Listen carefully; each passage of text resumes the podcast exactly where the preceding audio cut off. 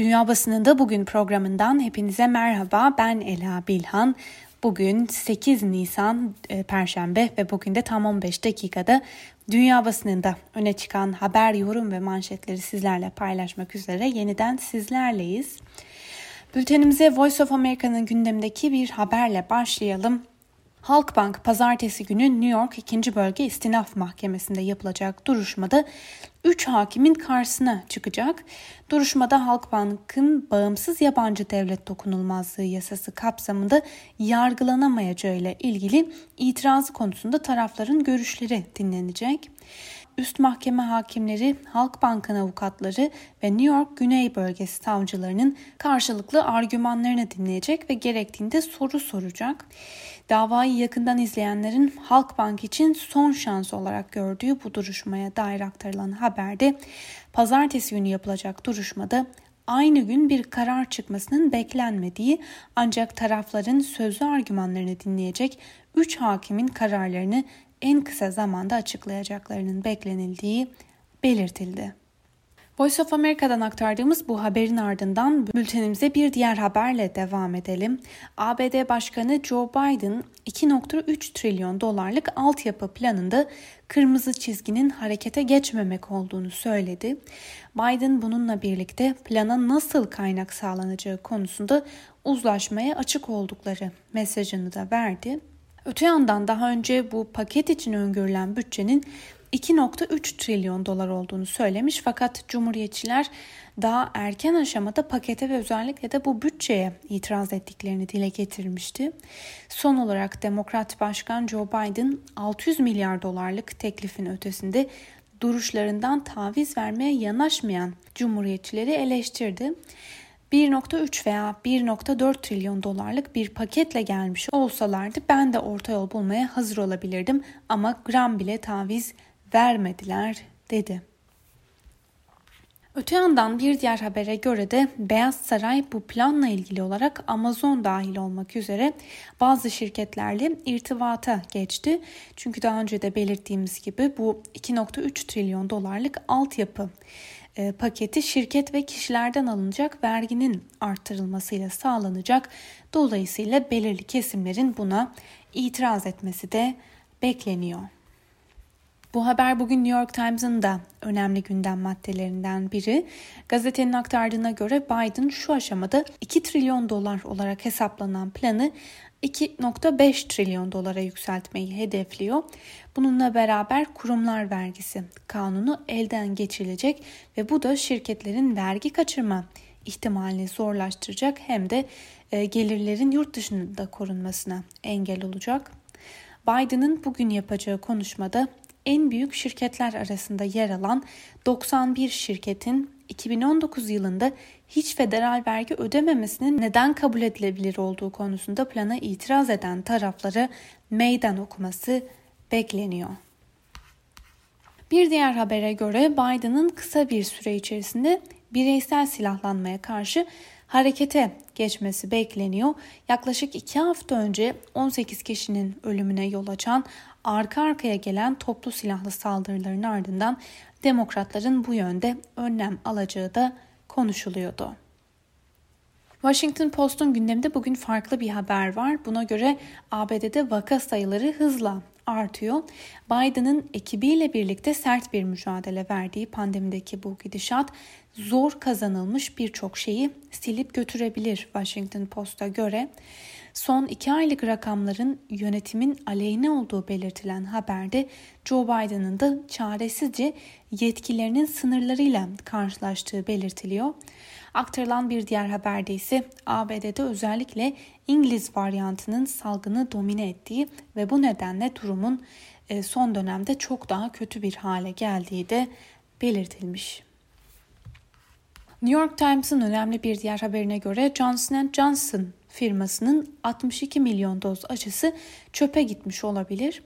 Bununla birlikte Johnson Johnson aşısını üreten ancak şişeleme yapmayan fabrika toplamda en az 150 milyon doz Johnson Johnson aşısı üretti. Ancak New York Times bu dozların hiçbirinin kullanılmadığını çünkü fabrikanın dozları halka dağıtmak için düzenleyiciler tarafından onaylanmadığını bildirdi. Ve gazetenin aktardığı bir diğer habere göre de 6 Ocak'ta Trump destekçilerinin kongreye yaptığı saldırının ardından geri dönülemez bir yola girdi Amerikan tarihinde. Öyle ki yaşanan süreçte ortaya çıkan tartışmalar demokratların ve cumhuriyetçilerin arasında hiç olmadığı kadar ciddi bir gerilime yol açtı. Üzerinden aylar geçmiş olsa da gerilim hala hissediliyor. Ve Amerikan basınından aktardığımız bu haber, yorum ve manşetlerin ardından bültenimize İngiliz basınıyla devam edelim. İngiliz basını son günlerde Oxford AstraZeneca aşısını ve yan etkilerini tartışıyor. Dün de aktardığımız gibi İngiltere'de 30 yaşın altındakilere AstraZeneca aşısı yapılmamasına karar verildi son olarak. The Guardian gazetesi Başbakan Boris Johnson'ın bu konudaki çağrısını aktarıyor. Johnson çocuklarda dahi denenmesi yapılan bu aşıların kullanımın devam edilmesi çağrısında bulundu. Öte yandan gazetenin sağlık editörü Sarah Boosley ise tüm ilaçların yan etkilere sahip olduğuna dikkat çekiyor ve bu durumda toplu aşılamanın faydalarının zararlarından çok daha fazla olduğunu dile getiriyor. Bu haber Times'ın da gündeminde. Times'a göre AstraZeneca konusunda yaşanan bu güvensizlik ve ortaya çıkan endişeler yalnızca İngiltere'de değil tüm dünyada aşılamanın aksamasına yol açacağı gibi umutların ciddi şekilde zedelenmesine de neden olacak. Daily Telegraph'ın haberinde ise hükümetin aşılama danışma komitesi üyelerinin önerisine yer veriliyor. Buna göre hükümetin bilim danışmanları Oxford aşısının güvenliği tam olarak sağlanana kadar 50 yaşın altındaki kişiler için aşıların duraklatılmasının iyi bir seçenek olduğu önerisinde bulunuyor. Financial Times'ın Türkiye'ye dair aktardığı habere de göz atalım. Financial Times gazetesi Çin'in Ankara Büyükelçisi'nin Büyükelçiliğin sosyal medya paylaşımlarından duyulan rahatsızlık nedeniyle Salı günü Dışişleri Bakanlığı'na çağrılmasını değerlendirdi. Gazeteye göre Çin Büyükelçisi azarlandı ve Türkiye ile Çin arasında bugünlerde iki ülke ilişkilerinde nadir görülen bir anlaşmazlık var dendi. Ayla Jean Yakli imzalı haberde Çin'in Uygur Türklerine yönelik politikasını eleştiren tweetlerin Ankara tarafından savunduğu, Pekin'i ise öfkelendirdiği belirtiliyor. Alman basını son günlerde siyasilerin de sık sık dile getirmeye başladığı tam kapanmayı tartışıyor. Fikir birliğine varılamamış olsa da hükümet yetkililerinin tam kapanmaya sıcak baktığı ve toplumun büyük bir kesiminin de bu uygulamayı destekledikleri belirtiliyor. Bugün Die Welt gazetesinin manşetine taşıdığı habere göre Merkel kısa ama sert ve etkili bir tam kapanmayı destekliyor. Benzer şekilde Deutsche Welle'de aktardığı haberde şöyle yazmış. Almanya'da koronavirüs salgını ile mücadele için kısa süreli tam kapanma çağrıları artıyor. Hristiyan Demokrat Birlik Partisi lideri Armin Laschet'in yaptığı 2 veya 3 hafta sürecek tam kapanma önerisine son olarak Merkel'den de dolaylı olarak destek geldi. Bu arada dün de üzerinde durduğumuz bir diğer haber bugün Deutsche Welle'nin de gündeminde. AB Komisyonu Başkanı Ursula von der Leyen'e Cumhurbaşkanı Erdoğan'ın ziyaretinde Cumhurbaşkanı'nın yanında yer verilmemesi Avrupa'da eleştirilere neden oldu ve Deutsche Welle haberi şu başlıkla aktarıyor. Koltuk skandalı Avrupa'nın gündeminde. Öte yandan AB liderlerinin Cumhurbaşkanı Erdoğan'ı ziyaretini değerlendiren Atina, birliğin Türkiye ile ilgili olumlu bir gündemi olduğunu ancak Türkiye'nin Haziran ayındaki AB zirvesine dek değerlendirileceğini bildirdi. Fransız basınında öne çıkan bir haberle devam edelim. Geçtiğimiz aylarda Fransa'da büyük bir toplumsal muhalefete yol açan, sertçe eleştirilen hatta halkı sokağa döken genel güvenlik yasa tasarısı dün meclisten geçti. Fransa Senatosu'nda ele alınan ve bazı maddeleri yeniden yazılan tartışmalı güvenlik yasa tasarısı 98 hayır oyuna karşı 241 evet oyuyla onaylandı. Fransız Le Figaro gazetesinin bir haberiyle devam edelim. ABD'de günlük koronavirüs aşılama sayıları 4 milyona ulaşırken aşılama sürecindeki hatalar, vakit kayıpları ve artan vakalar nedeniyle Avrupa ülkeleri normalleşme sürecinde geride kalmış durumda. Uluslararası Para Fonu IMF küresel finansal istikrar raporunun Nisan 2021 raporunda ABD'nin %6.4 oranında büyüyeceğini tahmin etti. Öte yandan Avrupa ülkeleri için büyüme tahmini dikkat çeken bir ilerleme gösteremedi.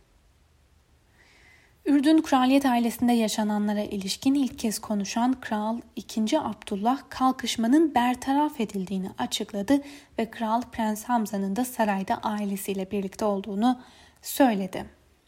Independent'ın İsrail'e dair aktardığı bir habere göz atalım. İsrail'de üst düzey bir siyasetçi krizi yaşanıyor başlıklı habere göre İsrail Cumhurbaşkanı Rivlin'e yakın kaynaklar Rivlin'in yeni hükümeti kurma görevini Başbakan Netanyahu'ya bir kez daha emanet etme kararının hayatında aldığı en zor siyasi ve ahlaki karar olduğunu vurguladı. Kaynaklar bunun sadece en iyi kötü karar olarak görülmediğini, aynı zamanda Rivlin'in bu kararı vermeye kendini mecbur hissettiğini belirtiyorlar. Independent'ın yorumuna göre böylece değişim sloganı atanlar ilk sınavlarında başarısız oldular. Değişiklik yerine Netanyahu'ya yeniden ülkeyi yönetmeye devam etmeyi hediye ettiler. Netanyahu hükümeti kurmakta başarısız ve yeni seçimler düzenlenmesi için baskı yapılsa bile önümüzdeki aylarda başbakan olarak kalmaya devam edecek. Tüm bu tutumlar İsrail'de siyasi bir krizin derinliği ve liderlik krizinin ciddiyetinin yanı sıra İsrail'de üst düzey siyasi liderler olmadığını ortaya koyuyor. İsrail'e değinmişken İsrail'de yayınlanan Yerusalem Post'un gündemdeki bir haberle devam edelim. Başbakan Benjamin Netanyahu Batı Kudüs'te Yahudi soykırımının yani Holocaust'un yıl dönümü vesilesiyle düzenlenen programda yaptığı konuşmada Joe Biden başkanlığındaki ABD yönetimine İran ile yapılacak herhangi bir anlaşmanın İsrail'i bağlamayacağını söyledi. İran basınından Pars Today'in gündemdeki iki habere göz atalım. İran Razi Enstitüsü'nün geliştirdiği korona aşısının umut verici sonuçları başlıklı habere göre yapılan son araştırmalar İran'ın korona aşısı Razi Pars'ın şu ana kadar herhangi bir yan etkisinin veya tehlikesinin olmadığını gösteriyor. ABD'den son dakika Filistin kararı başlıklı bir diğer haber paylaşılmış. Buna göre ABD Dışişleri Bakanı Antony Blinken, Donald Trump döneminde askıya alınan Filistin yardımlarını yeniden başlatmayı planladıklarını açıkladı. Washington ilk olarak Ocak 2018'de Filistin'e yapacağı 125 milyon dolarlık yardımın 65 milyon dolarlık bölümünü tekrar gözden geçirmek üzere askıya aldığını açıklamıştı. Buna karşılık İsrail Dışişleri Bakanlığı ise eski ABD Başkanı Donald Trump döneminde askıya alınan Filistin yardımlarının yeniden başlatılması kararına tepki gösterdiler.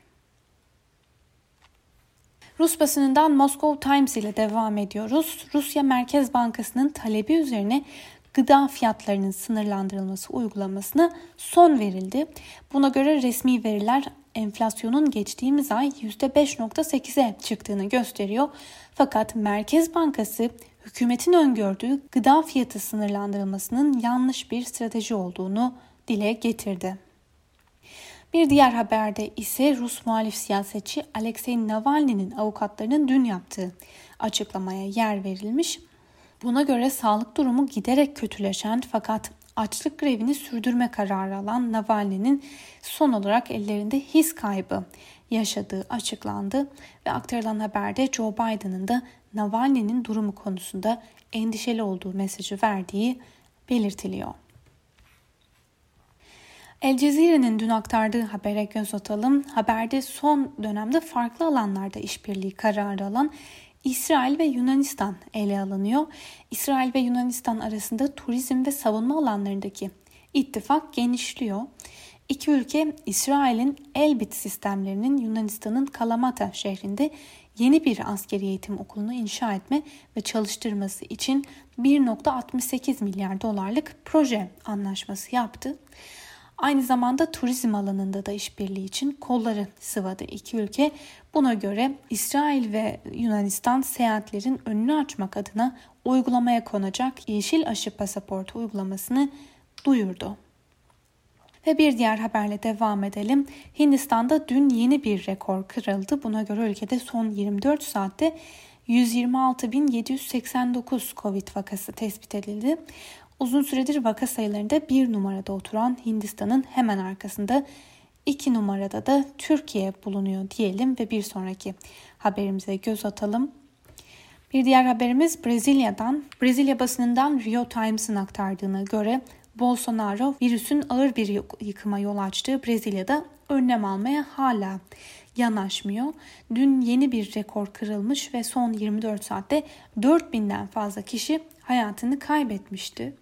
Hem El Cezire'nin hem de Brezilya basınından Rio Times'ın aktardığına göre Bolsonaro tam kapanma seçeneğini bir kez daha sert bir dille reddetti. Ancak yetkililer can kayıplarının baş edilemez hale geldiğini söylerken ölümlerdeki artışla başa çıkmak adına ülkede dikey mezarların açılmasının planlandığını da söylüyorlar.